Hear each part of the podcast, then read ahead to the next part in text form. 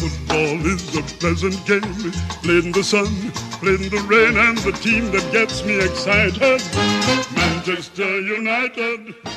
És akkor most beszélhetnénk arról, hogy ki a szezon meglepetése, kiben csalódtunk a legjobban, hasonló kategóriákat kitalálhatnánk, de hogy ne húzzuk el túl hosszúra az adást, ezért most nagyon egyszerűen a szezon legfontosabb, legszebb góljait listázok. Mindenki elvileg három góllal készült. Nem tudom, ti hogy vagytok vele, de én nem próbáltam meg trükközni, és így olyan gólt kiválasztani, ami, amire nem gondolt senki, úgyhogy nyilvánvalóan Nekem van egy ilyen titkos kedvenc. Na. Nálam egy ilyen 11-es lista gyűlt össze, úgyhogy...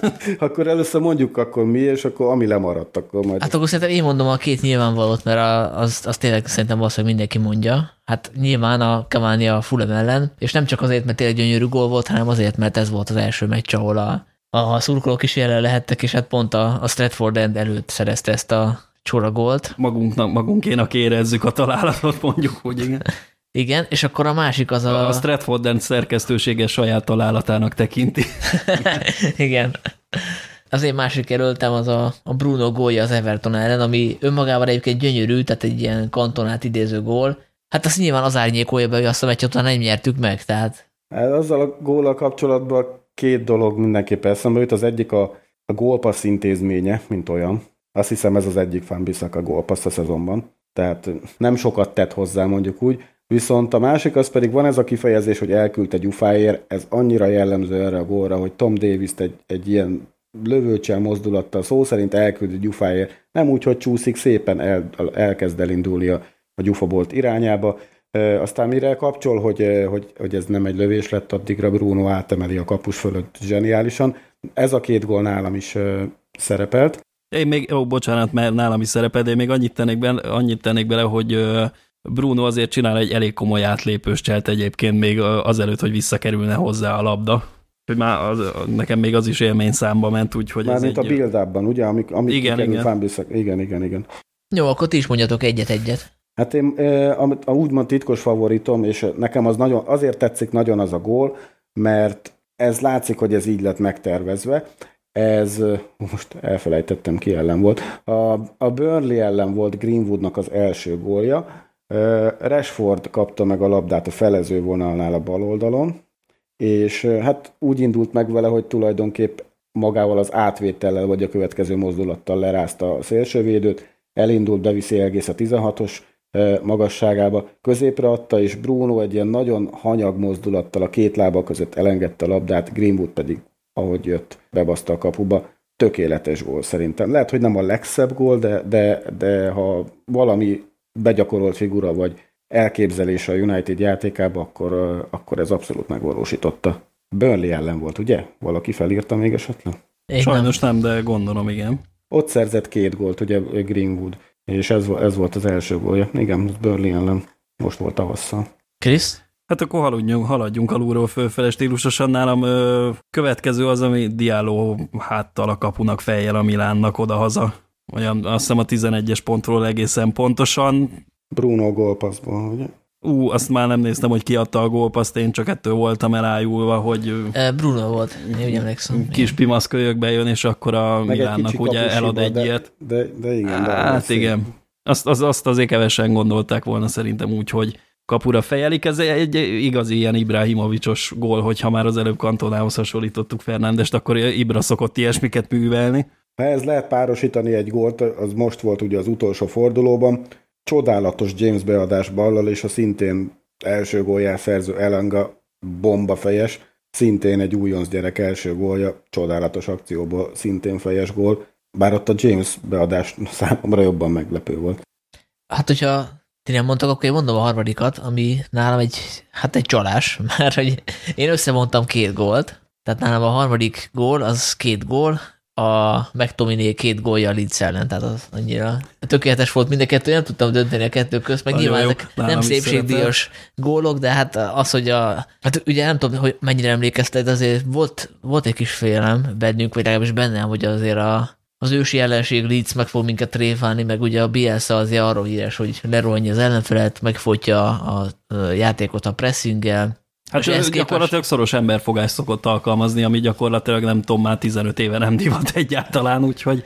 Meg hát úgy, úgy mentünk át a csapatukon, ahogy akartunk ott. Maguire Show, McTominay, meg... Igen, hát gyönyörű volt az első három perc, tehát hogy nem csak az a, első aki mondjuk perc. kicsit később ült oda a géphez, vagy a tévéhez, az csúnyán lemaradt erről a, erről a parádéról, úgyhogy Nekem ez, ez kb. olyan élmény volt, mint amikor a, szintén a McTominay a City ellen beemert, azt hiszem a harmadik volt, majdnem a félpályáról üres kapura. Tehát az, az utolsó, a Covid előtti utolsó meccs. Igen, igen, igen, igen, az igen, akkor igen. volt a lezárás. Kettő nem, és a második gól volt. Igen, igen, igen, igen. Na mindegy, ez nálam is szerepel azért, ez azt hiszem a második gólja volt, ami nekem jobban tetszett, de nekem azt tűnt fel egyébként, hogy itt nézegettem a gól összefoglalókat, és úgy éreztem, hogy azért 11 találatnál most már illene megállni, mert két és fél óra lesz az adás, hogy na, a legtöbb gól felépítésében Bruno-nak valami köze van hozzá, nyilván nem csak azért, mert tízes posztól játszik, nem ezt értem alatta, hogy gyakorlatilag az összes támadásunk átfolyik rajta, mert ez magától értetődő, hanem valami nagyon okos dolgot művel, akit mástól nem nagyon szoktam látni. Ugye McTominay második gólja az konkrétan egy kontra végén esett, és azt tűnt fel, hát McTominay lövésén kívül, hogy Bruno eszméletlenül okosan cselekszik a kontra alatt, tehát ő egy kicsit vár, hogy beérkezzen a második hullám, mert ugye ott volt az első hullámban James, Rashford, mind a ketten neki szaladtak a, a védőfalnak, hátra nyomták a Leeds védősorát, és akkor Bruno látta, hogy oké, okay, akkor ez a ez a hajó már elúszott ennek a, ennek a két gyereknek, már nem fogom tudni letenni a labdát, és lassított, hátra se nézett, pontosan tudta, hogy McTominay érkezik, adott neki egy ilyen forintos labdát, és a, a, a mozdulat szerintem, amivel McTominay elküldte a labdát a rövid alsóba, az meg ilyen, azt utoljára Rúnitól láttam, amikor Düböl ilyen kegyetlen nagy gólt vágott a Newcastle-nek 2005-ben, ugyanúgy drobból lőtte el McTominay, és nyilván ez nem lett akkora gól, csak a mozdulat volt ugyanaz. Ez tűnt fel, ez csak ilyen apróság. Meg nem adott gólért? Hát sejtem, mire gondolsz, de jó legyen. hát a Spurs ellenére, amit ugye, ha már McTominay-t itt emlegettük, a, a szörnyen, durva, arc átrendezése Szonnal kapcsolatban, ugye vissza akarta rántani őt Szon, és lerázta magáról, mert ott az egy olyan gól volt, amiben két kötény is volt, még ugye eljutott a kapuba a labda. Nagyon sajnálom, hogy azt a gólt nem adták meg, mert akkor hogy mondom, még jogosabban kerülne ide be talán, úgyhogy meg hát továbbra is bassza a csőröm, hogy, hogy ilyen miatt nem adnak meg egy gólt varozás után ráadásul. Na jó, haladjunk tovább, nem tudom. Én, nálam szerepel egy Pogba gól is, amit a West Ham lelőtt idegenben, ugye kontra végén született ez is. Ez, ami kiment a pályáról a Henderson passz, ugye? Talán az, az a baj, hogy a, a build-upnak ez a része már nem volt benne az összefoglalóban, erről sajnos nem tudok nyilatkozni, de annyi történt, hogy megint egy kontra végén érkezett Pogba, a második hullámban, neki lett középre finoman betéve a labda, és egy ilyen jó 20 méterről küldte el azt a labdát egy érintésből, tehát egy ilyen kapáslövés volt, de a 20 méter az már pont az a táv, ahol már a játékosok inkább az erőre helyezik a hangsúlyt, nem arra, hogy helyezzék a labdát. Tehát 20-ról inkább erőseket szoktam, eh, szoktak lőni, nem pontosat, és Pogba pont az ellenkezőjét csinálta egyébként, tehát 20 méterről kapásból volt mersz elküldeni egy labdát, úgyhogy megnézte magának a hosszú oldali kapufát, oda célzott, és teljesen hiába mozdult el a kapus, mert pont oda érkezett a labda. Megvan ez a gól, nekem az nagyon tetszett. E, és utána a Match of the Day-be bevonalazták a, hogy is mondjam, a merőlegesen az oldalvonal, és mutatták, hogy valóban kint volt e, a labda, amikor Henderson egy ilyen kiflibe előre tette. Ott egyébként szerintem az volt a másik kulcsmozdulat abban a gólban, hogy Henderson nem e, oldalra tette, vagy vissza magának a 16-osra és fölveszi, hanem egyből egy ilyen kiflibe előre küldte. Azt már nem tudom, hogy kinek, hogy ki a gólpassz, talán Rashford. Nem tudom, valaki elindult vele kígyózni a pályán keresztbe, és utána tette le Pogbának, úgy emlékszem, de ez már homályba vész, de szerepel egyébként Pogbának más találata is, tehát lőtt valami bődületesen nagy szabadrugást egyébként, mindjárt mondom, hogy kinek, ugye a az be, bepattant a Luton ellen, a, vagy, Bra, vagy a, Brighton, vagy a, Brightonnak Brighton, volt, hát bevágódott egy irgalmatlan nagy kapufás izé, szabadrugás gól, és pláne úgy, hogy a sorfal tagjai közt lőtte át. Hát lehet, hogyha kicsit normálisabban összezár a sorfal, akkor ez nem szerepel a listán, mert lejön a blokkról, de... Pogbánál egyébként nem említettük meg, de ő nagyon sok, nem olyan sok gólt lőtt, de azok nagyon fontos gólok voltak, mint például az a West Ham elleni vezetésszerző, Burnley ellen lőtt győztes gólt, Fulham ellen talán e, még, még januárban, meg ugye hát a Milán ellen is ő lőtte azt a gólt, ami a továbbjutást jelentette, úgyhogy e, már csak ezért is megérdemelt volt a helye a tízes listán az ilyen fontos, meg szép gólok miatt. De meg volt ugye három gól mindenkitől. Jó, hát én még úr, nagyon sokáig tudnám még sorolni. De mondom hát, a három, nem a tíz. Hármon túl vagyunk, de hát azért még hagy, hagy vegyük ide. Most azért tudtam ennyi gólt felsorolni, mert Egyébként a csapat honlapján volt egy gól összefoglalós videó, de az nem az össze, a szezon összes góljáról szólt, hanem csak a, az első százról. Nem tudom, megvan ez a feature, hogy több mint száz gólt lőttünk a szezonban. És 121. Hát egyszerűen a, a háromnegyedét öröm volt újra végignézni, és a maradék az meg a Bruno büntetők, tehát itt nagyon-nagyon sok gól szemre is tetszetős volt, nem ilyen begyömöszölős, bemákolt gólunk volt, hanem gyönyörű szép kontrák, nem egyszer valami 6-7 olyan találat volt, hogy Rashford beindul a felszaladgáló, mit tudom egy jobb hátvédek mögötti folyosóba, valaki küld neki egy 40 méteres átadást, ami egy mozdulattal megszelídít úgy, hogy nem mozdul el a labda, megfagyott a gyepen, tol egyet rajta, elsprintel a kapuig, és aztán elpasszolja a kapus mellett, ugye ilyen Bruno zsenialitások. Marcial ahhoz képest, hogy keveset játszott, ő is nagyon szép dolgokat csinált, főleg a szezon első felében. De valóban 121 gólt lőttünk. Ugye itt van, van még, meg... Hát az egyik legtermékenyebb szezonunk, azt azért Igen, tegyük hozzá. Egy, egyre hangosabb, meg ugye van ole tábor továbbra is, de itt én elsősorban nem a helyezésekben vagy a kupákban mérném, nyilván fontos de, de hogy olyan focit játszik a csapat, amit azért jó nézni. E, és ez, hát hogy, hogy is mondjam, így ritkábban van csak az, hogy ebben a szezonban, hogy nem voltak nem jó meccseink, de ez meg a folyamatos heti két meccs miatt volt, tehát itt voltak valóban szörnyű meccseink, ilyen Crystal Palace, meg e, Granada, meg hasonló nulla nullák, de hát e, ezt fogjuk arra, hogy, hogy sok meccset játszottunk, de egyébként jó támadó focit játszunk, nem is a támadásokkal van szerintem a legnagyobb gond a csapatban, hanem hogy viszonylag sok gólt kapunk, és azon kéne javítani.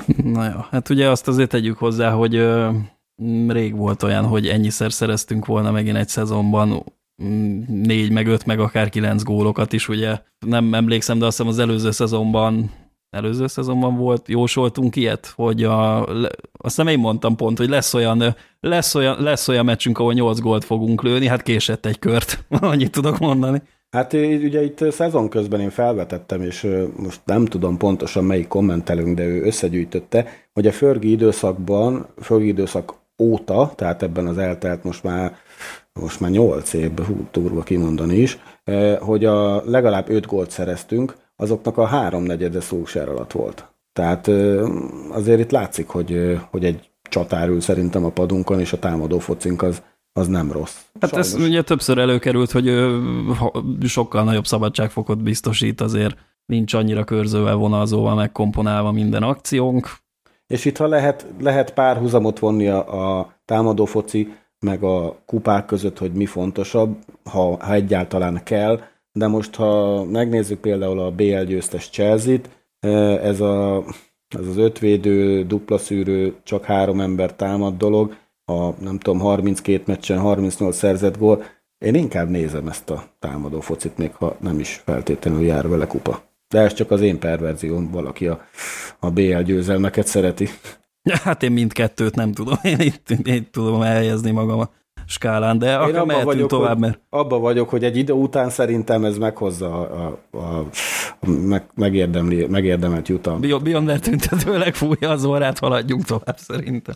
Föltettük a kérést a fórumban, hogy vannak-e kérdések, és hát elég kevés jött, de azért menjünk rajtuk végig. M. Kino kérdezi, hogy léptünk-e előre, vagy nem. Szerintem mindannyian azon az állásponton vagyunk, hogy igen. Hát már csak azért is, mert most fordult elő a Szőr Alexi időszak óta, hogy kétszer egymás után a top 4-ben végeztünk. Ugye ez a BL indulás kivívás az már Mourinho-nak is sikerült, de ő neki úgy, hogy ugye az Európa Ligát megnyertük. Hát így a nagy képet nézve én inkább azt mondanám, hogy a sok Premier League csapat közül egyedül a City lépett előre, mi maradtunk ott, ahol voltunk, és mindenki más hátra lépett. Tehát olyan hát nagyon... a West Ham is előre lépett, nem? Hát, futottak még, igen, hogy a hátsó sorból valamennyire előjöttek, de olyan nagyon nem léptünk előre, mert az a BL-ből nem jutottunk például tovább, ami továbbra is fájdalmas, mert 15 gól, rugott góllal soha csapat nem esett ki a csoportkörből, meg az EL döntő is egy kicsit keserű szájízű, bár ha azt nézzük, az elődöntőkből lett egy döntő, az már egy pici előrelépés, a harmadik helyből lett második hely, ráadásul nem ilyen becsusszanós második hely, hanem ugye itt a végét még el is bohockodhattuk, hogy valamilyen szinten előrelépés történt, de inkább azt mondom, hogy maradtunk egy helyben, és jól alkalmazkodtunk ez az elbaszott szezonhoz, jobban, mint a többi csapat. Hát ezt azért Szulsár elég jól lemenedzselte ezt a bajnoki szezont. Én elégedett vagyok egyébként, csak azt nem mondanám. Hát a bajnoksággal én is. Feltétlenül előre léptünk. Én azt mondom, hogy nem lettünk rosszabbak, és hogyha ezt tartjuk, ezt a szintet, mert azt hiszem, de lesz ilyen kérdés, akkor menjünk tovább a következő kérdésekkel. Nem Gaz kérdezi, hogy milyen változást várunk Woody távozásával. Ő, ő szerintem nem a gáz, csak Késő van már. Mi kellene ahhoz, hogy nem mindig mi legyünk a deadline day központja, és időben rendezzük az igazolásokat? Hát ugye ezt most mi nem fogjuk tudni megválaszolni nem Budapestről, hogy Manchesterben a belső hatalmi viszonyok hogyan működnek. Hát ugye, ha lehet a híreknek hinni, akkor a Woodit azt belülről fogják pótolni, tehát hogy igazából túl sok minden nem fog változni, tehát nem fogunk egy ilyen tipikus futballmenedzsert hozni mondjuk nem tudom az Ajaxból, hanem valakit előre léptetnek a United-es hierarchián belül, szóval ilyen túl sok, túl nagy változásra én nem számítok. Ezt már sokat beszéltük. Én örülök a távoz, távozásának, hát hogy kibasszák, mert hogy uh, itt az utóbbi időkben, ami Fergie óta ment, ez a mindenféle menedzsereket kirúgunk kupagyőzelem után, aztán idehozunk egy olyat, akit már előre tudjuk, hogy rossz választás lesz. Szarér úgy ér eladjuk a játékosainkat, vagy nem is kapunk értek semmit, vagy még fizetünk, hogy máshol játszanak miközben rekordösszegeket fizetünk ki játékosokért, vagy éppen olyan játékosokat veszünk, akik a menedzsernek nem kellenek, menjen Isten hírével. Hát igen, most gyakorlatilag ugye Woody volt itt a Glazerék helytartója, akik ugye nem hogy Angliában, hanem a kontinent, kontinensen nem voltak hajlandók tiszteletüket tenni, úgyhogy nem tudom, most akkor pótoljuk őt a szervezeten belülről, mert ugye ő egy ilyen CEO-ja a Manchester Unitednek, nem tudom, szerintem bőven elég lett volna az is egyébként, hogyha a Woody-nak a szerepkörét kicsit korlátozzuk, vagy visszafokozzuk, vagy nem tudom, mert tényleg az egy probléma volt, hogy ő állandóan felülről belepofázott a transferügyekbe, és akkor gyakorlatilag nem tudom, most itt próbálok görgetni lefele, hogy ez egy későbbi kérdés, vagy nem, ez még ennek a kérdések a része, hogy mi kellene az, hogy nem mindig mi legyünk a deadline day középpontja, úgy is mi leszünk. És most mit mondjak erre? Ugye Woody hozta magával ezt a, biztos ezt az üzleti életből magával hozott szokásait, ahol ez lehet, hogy beválik, csak ez meg a, ez meg a futballnak a transferpiaca, ott nem biztos, hogy ez a, az üdvözítő manőver, hogy az utolsó pillanatban kezdünk el fészkelődni meg. Bár az idei legjobb igazolásunk, sőt, talán az egyetlen jó, ugye a deadline day érkezett Cavani. Hát gyakorlatilag igen, meg nem tudom, azért Ferguson alatt is volt ilyen, hogy nem tudom, Berbatovot hoztuk el az utolsó pillanatban, úgyhogy az is azt hiszem ilyen deadline day transfer volt 2000, 2008 őszén nyár végén, és nem tudom, ott is előfordult tehát ilyen, csak ott nem azért fordult elő ilyen, mert elamatőrködtük a tárgyalásokat a többi klubbal, hanem nem tudom, ez volt a biztos, hogy Berbatov volt a cél, csak hát eddig sikerült be, húzni a megegyezést. más klubok is. Akkor lett gazdag például a City. Nem? 2008-ban, és ők is akarták. Hát úgy lettek. Mm, igen, de hát ők Robinhoval kezdtek azonnal. Jó, menjünk tovább. Ja, haradjunk, ja. Volandról kérdezi, mondjuk ez a kérdés nekem picit olyan, mint amikor betelefonálnak a, tudom, a klubrádióba, és a kérdés az egy ilyen monológ, ami kérdésnek van átszázva. Úgy érzem, néhány jó igazolással már bajnoki már a bajnoki címért mehetünk, és a következő pár év európai szinten is meghatározott csapata lehetünk. Mit gondoltok erről, illetve az alaphiány posztok mellett szerintetek nem lenne szükséges mélyíteni a keretet? Nyilván nem Sancho szintű igazolásokkal, de korrekt kiegészítő emberekkel. Hát én azért egy picit uh, ilyen, ez egy túlságosan is pozitív hozzáállásnak érzem, tehát azért ne szaladjuk ennyi hát, előre, hát, hogy... Nem feltétlenül, most pont azt látom egyébként, hogy a klubnak ez az átigazolási policia kicsit megváltozott, amióta Szulsár itt van, tehát most már nem Fredeket vásárolunk, meg, meg, meg, meg Dármiánokat, majdnem elfelejtettem a nevét itt közben egyébként. Ő még nálunk hanem, van. Hogy? Ő még nálunk van, csak mondom, hogy De Dármián. Nem, eladtuk. Nem? Nem, nem, nem már, a, már rég izé, vissza Olaszországba. Visszament a balettba ugrálni. Kevertem a, a Dalóval, Dalottal. Daló és Pereira még nálunk vannak, igen. Hát igen, Darmian már visszament a balettbe ugrálni hogy tehát ennyibe változott a transfer policy, hogy most már kipróbált feketeöves játékosokat hozunk, akik azonnal tudnak teljesíteni a felnőtt csapatban, nem jó, most nyilván Amad Diallo, meg Doni van, de még kicsit kilóg ebből. Meg Pellistri is, meg Hát igen, de azt látjuk, hogy Van Bissaka, Maguire lehoztak két szezont úgy, hogy nem pihentek egy percet se, ugyanez igaz Bruno Fernandesről. Ez, ezzel tudod, az a baj, hogy, hogy korrekt kiegészítő emberek, szerintem például Dan James egy teljesen korrekt kiegészítő ember, akit nem azért igazoltunk, hogy a kezdő csapatban ott legyen, de azért minden szezonban hozzáteszi a magáét, sőt, néha még akár be is verekszi magát a kezdő csapatba, de mégis az az általános megítélése neki, hogy, hogy nem ide való. De hát de, de pont ilyen kiegészítő emberek kellenek. Nyilván jobb lenne, hogy ezek saját nevelésű emberek lennének, de jelenleg ugye elég kevés az a, az a játékos, aki ö, akadémiáról felkerülve hasznos. Hát azért elég, elég jól állunk vele, hát nem Igen, de azt hittük, hogy Williams is az lesz, aztán nem. Most talán Garner visszajön, akkor ő a középpályán kap perceket. Szerintem Elongának jól, jót tenne egy kölcsön például, mert azért benne, benne van talán a bugi. Sortájör jönnek azért a többiek is szép számmal, de azért most el vagyunk látva szerintem rendesen, ugye Greenwooddal, Rashforddal, Hendersonnal, McTominay-jel. Igen, uh, Tuanzebével. Uh, igen, vannak játékosok, de ezek a kiegészítő emberek, tehát James például egy olyan tulajdonságot hoz a csapatban, ami nincs meg feltétlenül a többi. James kurva gyors, tehát Szúksárnak kell egy ilyen kiegészítő ember, aki gyors. Fandebék nem tudom, hogy miért kellett. Fandebék szerintem ilyen, hát sokat beszéltünk erről, mindegy, ilyen Bruno pótléknak kellett, de ő is kiegészítő ember, és akkor vele kapcsolatban meg az meg, hogy miért nem játszik. Tehát nem vagyok benne biztos. Ez, hogy... ez jelenleg előttem is rejtély. Hát nekem úgy tűnik, hogy ezt, a, hogy ezt az igazolást a, a, a scoutok, a United scoutjai szorgalmazták, a Szulsjár meg így rábolintott, amikor elé toltak egy ilyen mappa köteget, amivel le volt írva, hogy mennyire jó játékos, és úgy volt vele, hogy oké, okay, legyen, igazoljuk le végül, ha van rá pénz, mérne, de hogy nem az ő embere, szerintem az most Nem, ő ezért pedálozott, hogy meggyőzzük igen. egyáltalán arról, beszélt neki vele, beszélt lesz, igen. Ez volt is. podcast téma korábban igen, is. Igen. Mindegy, adjuk szerintem Van de Béke. Az első felével, hogy e- európai szinten is meghatározó csapat lehetünk, én ezt nem látom őszintén szólva. Hát a, én, én azt látom azért, hogy angol szinten szerintem azért van rá reális esély, tehát hogyha elsül még plusz egy ilyen igazolás, mint az ilyen Bruno, Maguire, Van Bissaka szint, akkor ne adj Isten kettő, tehát még, még két ilyen stabil játékost hozunk, hát akkor Ezt írja is Volandrul, hogy, hogy néhány jó igazolással, én inkább azt mondom, ne szaladjunk ennyire előre,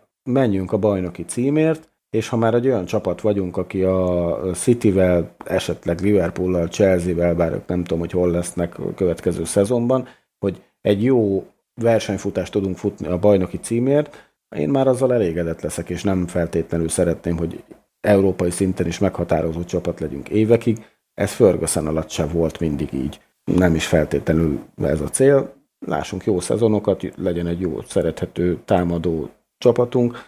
Nekem az, az elég. Meg hogy harcoljunk a bajnoki címért, igen, az, az, az mindenképp egy jó csapatnak az alapja. Adam kérdezi, közép-hosszú távon szerintetek lehetünk sikeresek az akadémiára építve? Látjuk a sok bemutatkozó fiatalt, meg beépülő játékost, de tényleg elég jók az európai elithez. Nyilván nem kizárólag saját srácokból kiállított kezdőkre gondolok. Ja, nincs most egy olyan generáció, mint mondjuk volt 92 Az európai elithez nem, de az angol elithez szerintem igen. Hát ugye most annyira szerintem egyikünk se lát bele az akadémiába, hogy azt mondjuk, hogy most ez egy ilyen 92-es generáció, de hogyha mondjuk ide soroljuk Greenwoodot. Hát Greenwoodot, Rashfordot, McTominay-t, Tuanzebét, Henderson is. Nem rossz, Henderson. Azért nem vagyunk messze, nem vagyunk messze olyan kezdő 11-től egyébként. Ha Pogbát is ide veszük mondjuk, mint saját nevelés nem vagyunk olyan messze egy saját kezdő 11-től. Hát ugye én most a utánpótlást nézem, akkor a, a, a Garner az, akiben látok uh, fantáziát, esetleg a Hannibal, de hogy mondjuk a, az Elanga vagy a, a Shoretire be tud-e épülni, én mondjuk egyikükben se látom azt az X-faktort. Garnerbe se láttad mondjuk két éve, de most volt egy jó kölcsön szezonja a Csempóban. Eh, szerintem Elangára, Soretire is ez vár. Aztán ott van még Lerd, aki elvileg nagyon tehetséges, meg hát itt ne feledjük, hogy az utóbbi két évben, ugye ez szintén volt téma a podcastben, hogy a, a Brexit szabályozás miatt ugye nem lehet 18 éven aluliakat igazolni Angliába, és itt az utóbbi két évben elég komoly pénzeket költöttünk arra, hogy Real Madridtól, Bilbao-tól, francia akadémiákról 10 hát mindenki 16. még ilyen, ilyen utolsó alkalommal bevásárolt belőle. Igen, és például a, a, a Rizerbe meg az U18-ba is franciák, spanyolok, mindenféle csehek, például van vagy három cseh kapusunk, a, a, vagy kettő legalábbis biztosan, és ö, ezekből a srácokból igazából nem tudni egyelőre, hogy mi lesz. Tehát ez, ők egy olyan két év múlva kezdenek el kopogtatni talán így a nagy csapathoz való tartozás ajtaján, mint mondjuk most tette ezt Elanga, vagy, vagy akár Sorretír.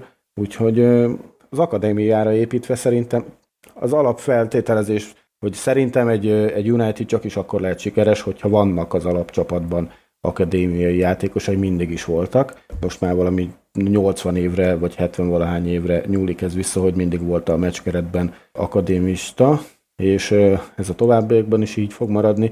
És hát azért láttuk például, hogy az EL döntőn egy akadémista McTominay volt az, aki a csapat legjobb volt, tehát ez az irány, ez, ez jó, de azért ki kell egészíteni azokkal a, a sztárigazolásokkal, amiket azért megengedhet magának egy világelit klub. Generáti kérdezi, extrém sérülés hullámot leszámítva Sancho, középátvéd, védekező középpályás, zárójel nevezük. Az Pau Torres gondol. Igen, Torres, Farand Rice-nak értelmes igazolások esetén Szerintetek lehet-e kifogás Olénak és tábjának arra, hogy nem esik egy Major Trophy, Premier Liga, vagy BL, vagy FA kupa? Hát azt már nem ide sorolta. Igen. Hát ha meg, meg volt a klubrádiós kérdés, akkor ez most a Kossuth rádiós. Tehát, hogy kifogás Igen. arra, hogy valaki nem nyer egy kupát, ez... Ja, egyébként volt egy hasonló kérdés, hogy, hogy akkor ezt vonjuk össze, mert volt még egy ilyen. CRPA 7 kérdezi, ha jövőre összejön ismét egy bajnoki dobogó, de nem leszünk bajnokok, plusz nem nyerünk kupát, és a BL-ben egy nyolcig vegyünk, ti kibasznátok szulsit. Hát ez szerintem a játéktól függ, tehát nem. hogy uh, most ugye látjuk, uh, aztán Stigót említette a chelsea hogy ők milyen játékkal jutottak el a BL döntőig, meg a top 4-ig, hogy én nem tudom elképzelni, hogy mondjuk a United hasonló játékkal. Hát, tehát ilyen... Gondolom jövőre is ugyanez lesz, tehát nem fogunk hirtelen egyik pillanatról a másikra olyan csapattá változni, amelyik ilyen Mourinho módjára megszállja a saját harmadát, és fél, nem tudom, szökőévenként hajlandó csak kinyílni. Hát erre akartam kiukadni, hogy igazából nem csak az számít, hogy mondjuk megvan a top név, vagy a, a BL döntő, hanem hogy milyen játékkal. Tehát, hogy a United hagyományait azt azért tiszteletben kell tartani, és én Na igen, elvárnám tehát, ezt az offenzív játékot, sok gólt, proaktív játék, tehát hogy, hogy nem menjük át mondjuk Chelsea-be, Mourinho-ba, ez, ez is számít, tehát nem, nem csak a, a, a konkrét eredmény, hogy az most nem tudom, második hely vagy harmadik hely, hanem hogy ezt milyen játékkal érjük el. Na igen, ö, attól mindenkit megnyugtatok, nem, nem kell attól rettegni, hogy ö, mi, mit, mi, mit válaszolunk mi erre, hogyha nincs meg a top 4, akkor kirúgnánk ezt Szúksát, meg kifogják, szóval nem, nem, nem kell ezen izgulni. Ez egy minta a Fergie utáni menedzsereknél. Nincs top 4, hello. Igen, Van ezt nagyon, maradt nagyon, nagyon erősen felfedezni. Hát ilyen végig. kérdés nem jött egyébként, hogyha nincs top 4. Csak azért, hogyha mondjuk... Dobó, uh, már top 4 ha, nem elég, a dobogó kell. Tehát, hogyha, hogyha, hogyha, ha csak bajnoki dobogó jön össze, plusz BL8, és nem hát nyerünk a, semmi kubát. A földhöz verné néhány csapat a segít, ha összejönne neki a bajnoki dobogó. Hát ne vicceljünk már, itt arzenálok, meg spurs maradnak le a Európa Ligáról is. Tehát nem, nem értem én ezt, hogy, hogy mindenképpen kupákban vagy, vagy dobogókban mérjük azt, hogy egy csapat mennyire jó, vagy, vagy mennyire jó az edző, vagy a stáb. Ki lehet esni egy BL8 között úgy is, hogy szarrávernek, vagy BL16 között, mint a Sevilla, ami esélyünk nem volt ellenük, meg mondjuk ki lehet esni két jó meccsen úgy, hogy az ellenfél, az ellenfélnek mondjuk jobban dobog. Igen, hát most azért nem mindegy, hogyan tesszük, tehát mit tudom én a következő szezonban is, ha ne adj Isten ugyanaz történik, hogy megint kizúgunk a BL8, BL16-ból, vagy még a csoportkör végén, és akkor Európa Ligában megint a döntőig megyünk, és megint ugyanígy elbalfaszkodjuk, akkor hát nem mondanám, hogy szúg se de azért most már nagyon pipa lennék, szóval eh, amit szeretnék az az, hogyha úgy állnánk bele a következő döntőbe, hogy rendesen felkészülünk rá, és nem csak egy következő átlagos bajnokinak tekintjük, és ha nem tudom, a következő döntő legyen az akárhol, kikapunk 6-5-re, akkor pff, hát akkor baszki. Ez van. 11-esekkel. Ja. Devil Spray kérdezi, milyen változtatást vártok a stábtól a védelmi megingások és a pontrugások kivételkezésének javítására? Félek, hogy egy középhátvéd igazolása ehhez kevés lesz. Egyébként én ebben egyetértek, szóval leigazoljuk a varánt, akkor hirtelen nem beszélünk egy, nem tudom, Prime Milán. Nem, hát ebben most már nagyon régóta kéne egy kis segítség, mert amikor, amikor már Villarreal-tól is gólt kapunk, és ráadásul úgy, hogy hogy a Gerard Moreno az a világ egyik legegyszerűbb figuráját adja el, hogy így elindul a 16-os vonalával párhuzamosan, egy kis sebességet gyűjt, és hirtelen ráfordul a védelmünkre, és úgy fejel gólt, hát ezt nem tudom, ennél jobban le lehet -e egyszerűsíteni.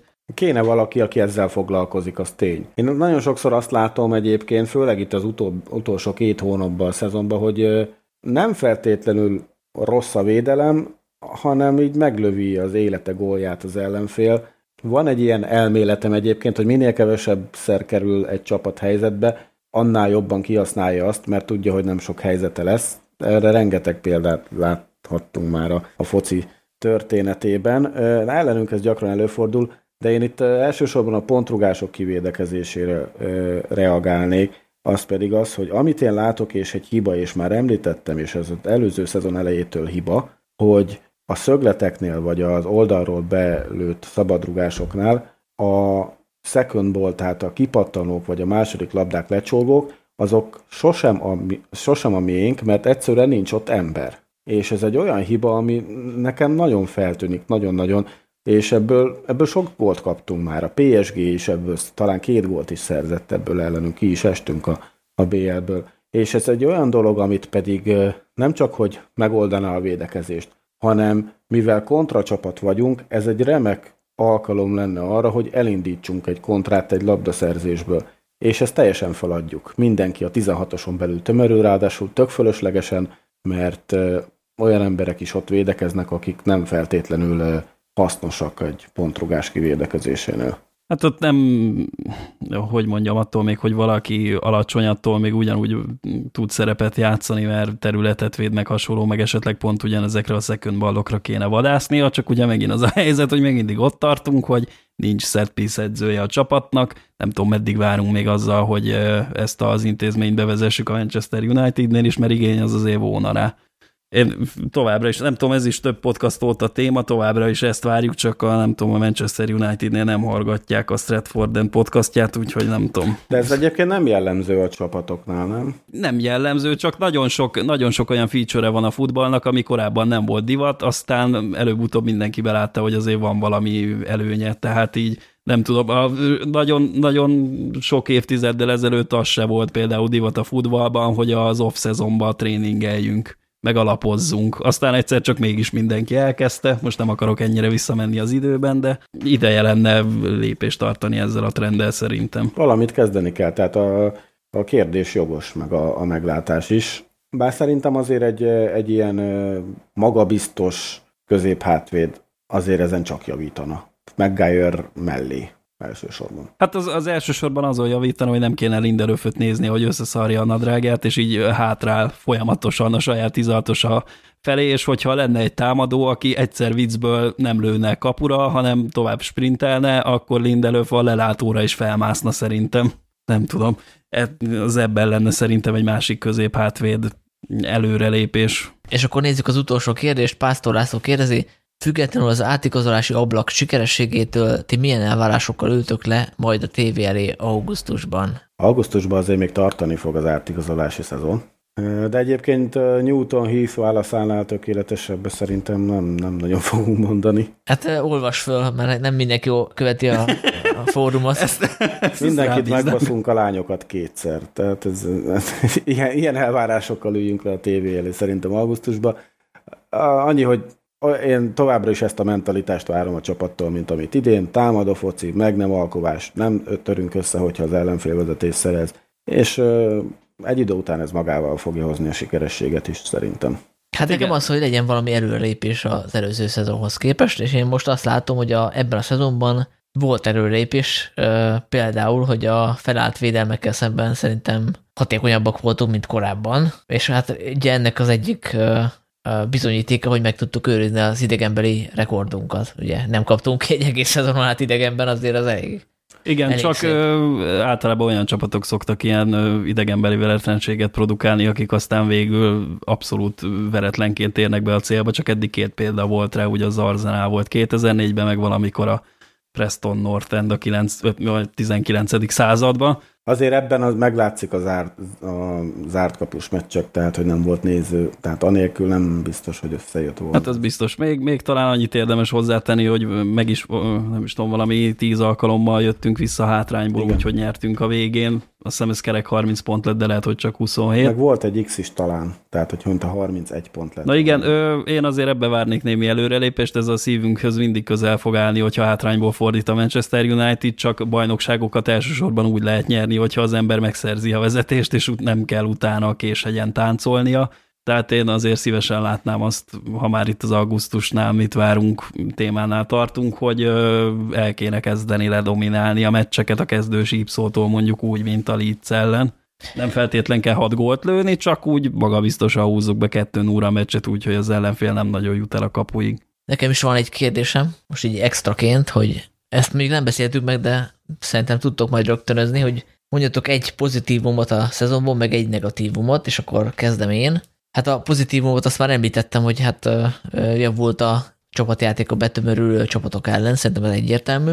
A negatívum meg az, hogy nem tudott előhúzni Oli egy ilyen meglepetés nyulat a cilinderből, aki mondjuk lehetett volna az Amad is, tehát én, én nagyon bíztam benne, amikor őt leigazoltuk, nem tudom, 25 vagy nem tudom mennyi millió fontért egy 18 éves játékost, hogy ő azért fog valami csodát alkotni, és ugye Stigo említette a gólját, ami ez a kategória volt, tehát hogy, hogy őt azért be lehetett volna többször is dobni, vagy akár a Donit, tehát valami, valami kis extra, tehát hogy uh, ugye emlékszünk annak idén a, a Macséda vagy Makéda faktorra, aki ugye beállt, és 18-17 évesen eldöntött meccseket, aztán ugye Oda utána nem, nem kup, nem sűrű. kupa döntőt azért. Jó, de ez egy font, elég fontos meccs volt, a, azt hiszem az Aston Villa ellen, Villa azt, az, ellen, az kellett a bajnoki címhez. Tehát, hogy, tehát, hogy ezt, ezt hiányoltam egy picit, hogy, hogy nem volt egy ilyen extra lépés a- az Olénak. Ez a negatívum, a pozitívumot, azt, azt, azt már mondtam, úgyhogy ha esetleg nektek éreztetek be őt, akkor hajrá. Nekem a pozitív az, az mindenképp a mentalitás. Ez a, hát ez a Will Never Die, ezt azért elég sokszor megmutatta a csapat, nem csak az egy meccsen belül, hanem például volt a Basak Sehír elleni botrányos vereség, és akkor utána, tehát tulajdonképp két nappal, vagy két nap pihenő után jött egy fontos Everton elleni, mert csak az Everton eléggé fönt volt például, és, és elég jó játékkal nyertünk. Meg ez azért többször előfordult a szezonban, hogy a csalódás után a csapat nagyon, nagyon keményen helyreállt, meg hát ugye egy meccsen belül is. A negatívum nekem a, az átigazolási szezonnak a mérlege az, az mindenképpen. Itt ugye Cavani-t mindenképpen jó igazolásnak tartom, Amad olyan, hát nem tudom, lehet jó is. Pelistri abszolút nem tudom minek, és Tellest meg Van de Beeket viszont kifejezetten mm, rossz igazolásnak tartom a árukat, a játékperceket, meg a teljesítményüket figyelembe véve, úgyhogy ennél én mindenképpen jobb átigazolási szezon szeretnék most nyáron. Krisz? Pozitívumnak eh, azt mondanám, hogy 121, és negatívnak azt mondanám, hogy nem tudom hány gólt kaptunk. Valami 68-at, azt hiszem, 60, azt hiszem, úgy látom, hogy 68 gólt kaptunk. Ennyi, hát a, a, a döntőt azt, azt még emésztem. Jó, Nekem hát ez az egyetlen negatívum. Ez elég, elég, szerintem elég frappáns összefoglaló, és akkor Strigó, te szerettél volna még valamilyen témát itt a végére. Hát, ha még valaki így ébren van, tehát itt lesz egy elég fontos... Legyetek, mert én például pont ezeket szeretem, amikor nem csak rólunk van szó egyébként, hanem így lesz általában a egyéb, lesz futballról. egyébként. Annyi, hogy itt a, elsősorban a 11-es ö, párbajról jutott ez a téma eszembe, illetve arról, hogy a, a következő szezontól az UEFA megszünteti az idegenbe lőtt góloknak a rendszerét, ugye, hogy a egyenlő állásnál az idegenben több gólt szerzett csapat jut egy, tovább egy pár harcból, tehát így biztosan nem fogunk kiesni a BL-ből, mint ahogy például a Bayern és a, a Juventus esett ki idén úgy, hogy ö, csak az idegen belőtt gólok miatt. És én nagyon sokáig azt hittem, hogy ezt azért hozták ezt a szabályt, hogy ezzel elősegítsék a több gólt. Tehát, hogy idegenbe ne csak védekezni menjen egy csapat, illetve ha már szereztek egy gólt, akkor ne álljanak vissza teljesen a hazai csapatok hasonlók. Hát ez nem így van, mert végeztem egy kis kutatást, hogy ezt mikor vezették be, meg hogy egyáltalán miért. Ö, 1965-ben hozták ezt a szabályt, és nem azért, mert nem, nem volt eléggé támadó a foci. 60-as évek Beck meg Keck meccsei igencsak sok gólt hoztak, hanem nem volt eldöntött, hogyha két csapat ugyanolyan gólkülönbséggel veri a másikat, vagy pedig ugye x mind a két meccsen, akkor nem volt eldöntve, hogy ki jut tovább, és itt egy megismételt meccset kellett játszaniuk. Most én megnéztem az, elő, az előző három szezont itt a 60, 1965 előtt, hát elég sok megismételt meccs volt. A Beckben például Feyenoord, Kekben a Napoli szezononként plusz két-három megismételt meccset játszanak, és azért itt gondolatba menjünk egy kicsit vissza 60-as évekbe, hogy akkor nem az volt, hogy akár szurkol, akár a csapat, hogy akkor jó, jövő hétre veszek egy jegyet mondjuk Brüsszelbe, mert ott lesz a semleges pályán a meccs, hanem itt ez elég kemény logisztikát jelentett. De ez olyan szinten, hogy, hogy itt voltak elődöntők például, a KEK 63-64-es szezonjában az elődöntőt játszották, majd utána a MTK volt egyébként az a csapat, amelyik Sportinggal játszotta az elődöntőt, és a döntő döntetlenre végződött, és két nappal a döntő után volt egy megismételt meccs, amit utána már a Sporting nyert, de ez így egyre jobban épült fel az évek alatt, és voltak olyan nyolcad döntős hát, fordulók, ahol a meccsek fele több mint újrajátszással dőlt el. De ez még nem minden, mert egy újrajátszás még ugye be lehet valahova tenni, de mi van akkor, hogyha az újrajátszás is döntetlen lett? Ugye itt nem az FA kupa hagyományait követték, hogy akkor még egy újrajátszás, hanem pénzfeldobással döntötték. Ja, most jön a fun fact, igen, örülök, hogy ezt említetted. Pénzfeldobással döntötték el, hogy, hogy kijusson tovább. És uh, itt például a Beck 64-65-ös Volt rá példa. szezonjában, ugye ez pont a bevezetés előtt, tehát nem véletlen, az Anderlecht Bolonya meccsen az Anderlechtnek kedvezett a pénzfeldobás, majd volt még egy a következő fordulóban, ahol a Dukla Prága jutott így tovább, és ami az igazán nagy botrányt itt kiváltotta, az az elődöntő volt, ahol a Liverpool Köln 2-0-0-át játszott egymás ellen. Volt egy 2-2-es playoff meccs, majd egy pénzfeldobás döntött arról, hogy a Liverpool jut tovább. És valószínűleg itt volt egyébként elege az UEFA-nak ebből, és az 1965-66-os szezonban kitalálták ezt, a, ezt az idegen belőtt gólok rendszerét, viszont ö, ilyen teszt jelleggel, mint ahogy ugye itt a kínai, meg az U21-es VB, meg hasonlókba akarják bevezetni először az új szabályokat, amiket most a, az IFAB kitalált. Ö, itt a kekben vezették be. Az első ö, idegenbeli góllal eldőlt párharc az a Dukla Prága Budapest Honvéd volt, ami 4-4-re végződött, és a Honvéd jutott tovább, tehát akár csak az ezüst vagy az aranygólt, ezt is először a csehek, vagy hát akkoriban még csehszlovákok szopták be. 65-ben ugye kiestek így. A Beckben nem, nem alkalmazták ezt a, ezt a idegenbeli lőtt, idegenben lőtt gólszabályt, viszont ebben a szezonban érdekes módon nem is lett volna szükség rá. Viszont a következő Beck szezonban, 66-67-esben négy párharcban is előfordult, hogy megismételt meccs volt, illetve megint csak egy elődöntő, az Inter és a CSK a bolgár csapat között. Ezért 67-68-ban bevezették a backben is, de csak az első körben. Ennek nem próbáltam utána nézni, hogy ez miért történt így, de nem találtam semmi utalást. És hát ugye tudjuk, hogy 68-ban kinyerte meg a, a bajnok Európa kupáját, azt is ugye, hogy a Benfica ellen. Most a Benfica az első körben pont ezzel az övé rullal, tehát az idegen belül szabályjal jutott tovább, méghozzá az északír Glentoral ellen, úgyhogy érdekes, hogy egészen a döntőig meneteltek után is ugye ellenünk kaptak ki. Majd 68-69-ben az első és második körben is volt ilyen szabály, 69-70-ben pedig már minden meccsen, de itt volt szintén pénzfeldobásos, hogyha ö, ugye két 0-0 után, például a Spartak Tranava így esett ki a Galatasaray ellen, vagy két, kétszer ugyanaz az eredmény. És itt felmerül a kérdés, hogy ugye miért nem döntötték el 11-esekkel a pénzfeldobás helyett ezeket a meccseket? Hát egész egyszerűen azért, mert ez nem jutott addig senkinek eszébe, hogy 11-es párbajal is el lehet dönteni egy meccset. Ez először egy Josef Dagan nevű izraeli szövetségi embernek jutott eszébe, méghozzá nem is véletlenül, mert 1968-ban a Mexikóvárosi olimpián Bulgária ellen játszott negyed döntőt Izrael, legnagyobb sikerük lett volna, hogyha elődöntőbe jutott, jutnak, de döntetlent játszottak, így sorsolás döntött arról, hogy ki jut tovább, és Bulgária jutott tovább. Egyébként velünk játszották a döntőt, és nyolc emberrel fejezték be egy elég durva meccsen is.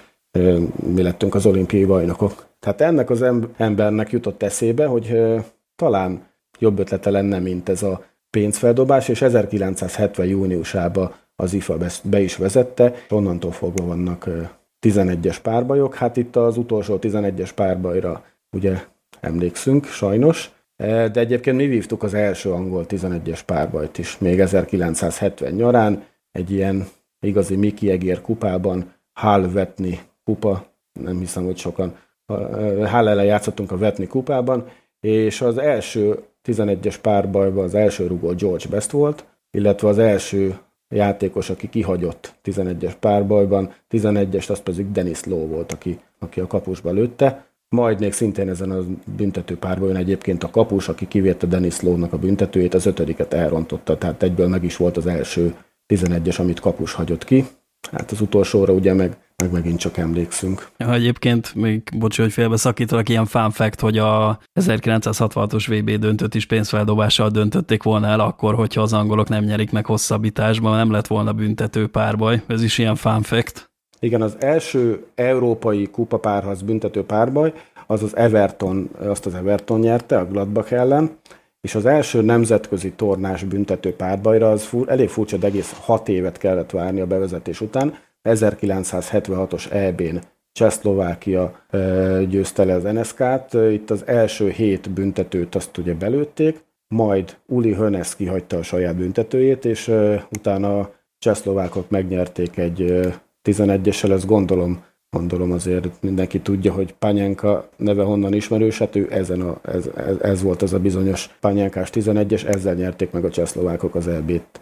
Úgyhogy nem azt mondom, hogy DH-nak is ezt kellett volna csinálnia, de hát nem feltétlenül kell összeszarnia magát az embernek a tét alatt. Ja, az általános érvelés az az volt a, ezzel a szabályjal szemben, hogy ez most már eléggé kontraproduktív, és egy olyan szituációt eredményez, hogy bizonyos gólok többet érnek más góloknál, és ennek próbálnák meg elejét venni valahogy, tehát nekem is kicsit ilyen, ilyen kicsit desszert íze van ennek, ilyen romlott desszert, hogy így... Nem, ezzel, az a baj ezzel, a, ezzel az idegenbelül szabályjal, hogy ez egy őskövület, ami így valahogy ott maradt. És így senkinek nem tűnt fel, hogy ez ott maradt. Tehát a 11-esek az egy tökéletes 11-es párbaj, tökéletes módja annak, hogy eldöntse, eldöntsenek egy olyan párharcot, ami tényleg nem múlik, tehát nem különbözött a csapat semmiben, tehát nem lőttek több gólt, és ez így valahogy ott maradt. Megszoktuk, hogy van idegen belőtt gól, megszoktuk, hogy kettő egyre nem annyira rossz kikapni idegenben, mert majd otthon nyerünk egy núra,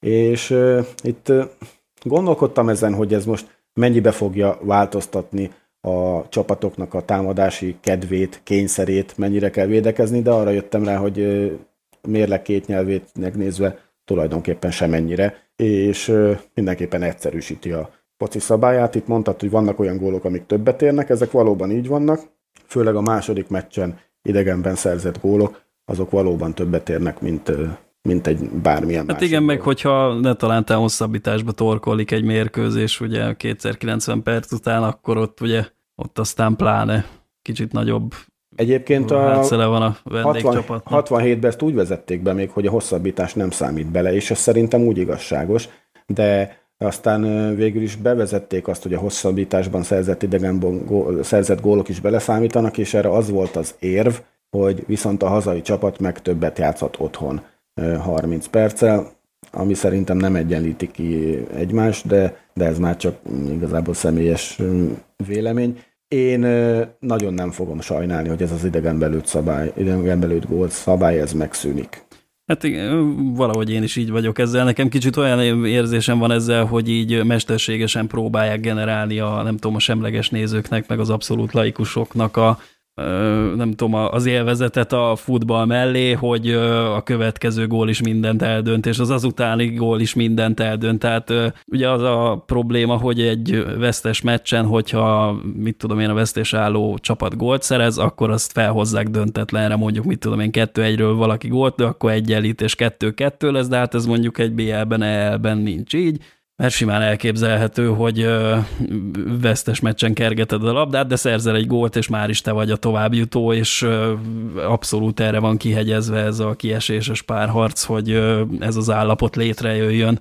És hogy mindenki, mindenki rághassa a körmét. Tehát nekem egy olyan kvízjátékhoz hasonlít ez az egész, hogy mit tudom én, 51 kérdést tesznek fel három versenyzőnek, és az első 50 kérdésre a helyes válaszért egy pont jár, de az utolsó kérdésért 6 millió pontot adunk. Konkrét példákkal nézem most, ami nagyon jó példa arra, hogy ez a szabály ez így nincs értelme, az idei PSG Bayern párharc, a két jó meccs volt, az egyik meccsen sokkal jobb volt a Bayern, a másik meccsen jobb volt a PSG, mint a Bayern, és azért, mert hogy azon az volt a gólgazdagabb meccs, amit a Bayern stadionjában játszottak, egyébként mind a kettő nézők nélkül, tehát még az sem nagyon számít, hogy hazai pálya, azért a PSG jutott tovább idegenbelült gólokkal, és ez valóban a Bayernesek joggal érezhették, hogy nem feltétlenül voltak rosszabbak annál a csapatnál, amelyik kiejtette őket. De itt ugyanez volt például a, az Ajax Tatanem meccsen, ugye, ami a döntőbe jutásról szólt két éve, már már kicsit kezdenek összefolyni így a Covid alatt, hogy melyik szezon melyik volt. Úgyhogy itt mindenképpen... Hát a Tatanem a City-vel játszotta az elődöntőt, de akkor ez... Nem, szerintem az Ajax-szal. Nem? City-re emlékszem. Mindegy. Ott talán a City ellen is idegenbelőtt góllal jutottak tovább, de abban nem vagyok biztos, mert ott volt egy 95. percben lőtte City egy gól, de kiderült, hogy les, és akkor és nem adták meg, de hogy az idegenbelőtt gól, vagy pedig rendes továbbjutás jelentő gól lett volna, abban viszont nem vagyok biztos. Kicsit olyan az idegenbelőtt gól, mint mikor egész nyáron kint fociztok, ugye két csapatba, és akkor már sötétedik, és akkor igen. na jó, a következő Na, gól. erre akartam kiukadni. A következő igen. gól az nyer, és akkor hiába ugye nem számolta senki, lehet, hogy 22-8 volt, de a következő gól az nyer, és akkor mindenki kurvára oda teszi magát. Úgyhogy szerintem ez egy ilyen, ez egy ilyen rossz emlék marad, ez, a, ez az idegenbelőtt gól, és talán, ha 40 év múlva beszélnek erről egy podcastben, akkor majd ugyanúgy fognak csodálkozni rajta, mint mi a pénzfeldobáson. Egyébként a leghíresebb pénz, pénzfeldobás az nem is az a Liverpooli volt, hanem a 68-as EB elődöntőben Olaszország és Szovjetunió között olaszoknak hozta meg a szerencsét, és ők jutottak a döntőbe, amit aztán meg is nyertek megismételt meccsen, mert hogy ne legyen semmi sem túl egyszerű.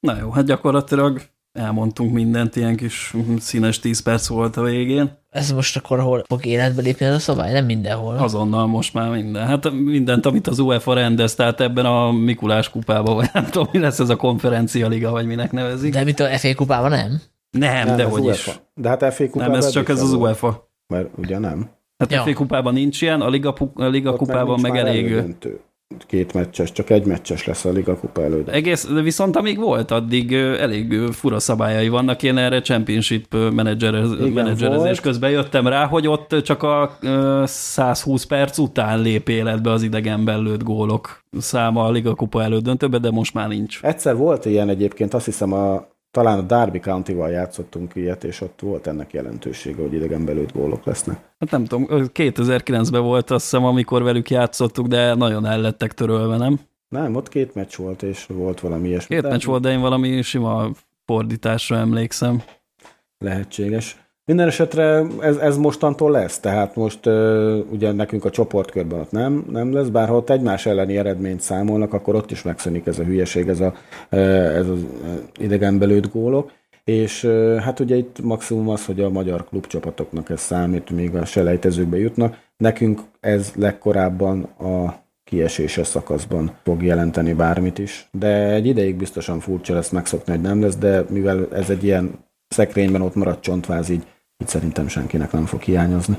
Akkor ez a podcast is elég hosszú nyúlt, és hát az a helyzet, hogy ha azt nézzük, hogy mikor tudunk jelentkezni újabb kontenttel, akkor az nyilván augusztus lenne, amikor elindul a bajnokság, de hogyha esetleg van rá igény, akkor lehet, hogy tartunk majd egy ilyen villám podcastet a, az EB fél idejében, ahol kiértékeljük, hát nem csak az angol csapatot, hanem úgy általában az egész Európa bajnokságot. Majd úgy gondolom Magyarországot is. Mert... Főleg. Szerzünk pontot szerintetek? Nagyon remélem, mert a céges tippversenyen én ezt már belőttem, hogy egy pontot azért szerzünk valaki ellen. Én is, én is, én is egyre én is számítok valahogy. Én arra tippelek, hogy nem. És akkor erre majd visszatérünk a, az EB podcastben, hogyha lesz, úgyhogy mondom, erre mérget ne vegyetek, de most azt tervezzük, hogy, hogy tartunk egy ilyet, hogy azért tényleg legyen augusztusig is valami podcast. Na jó van, akkor köszönjük szépen a figyelmet, várjuk a kommenteket, visszajelzéseket, sziasztok! Ja, tiszteletem, sziasztok! Ciao.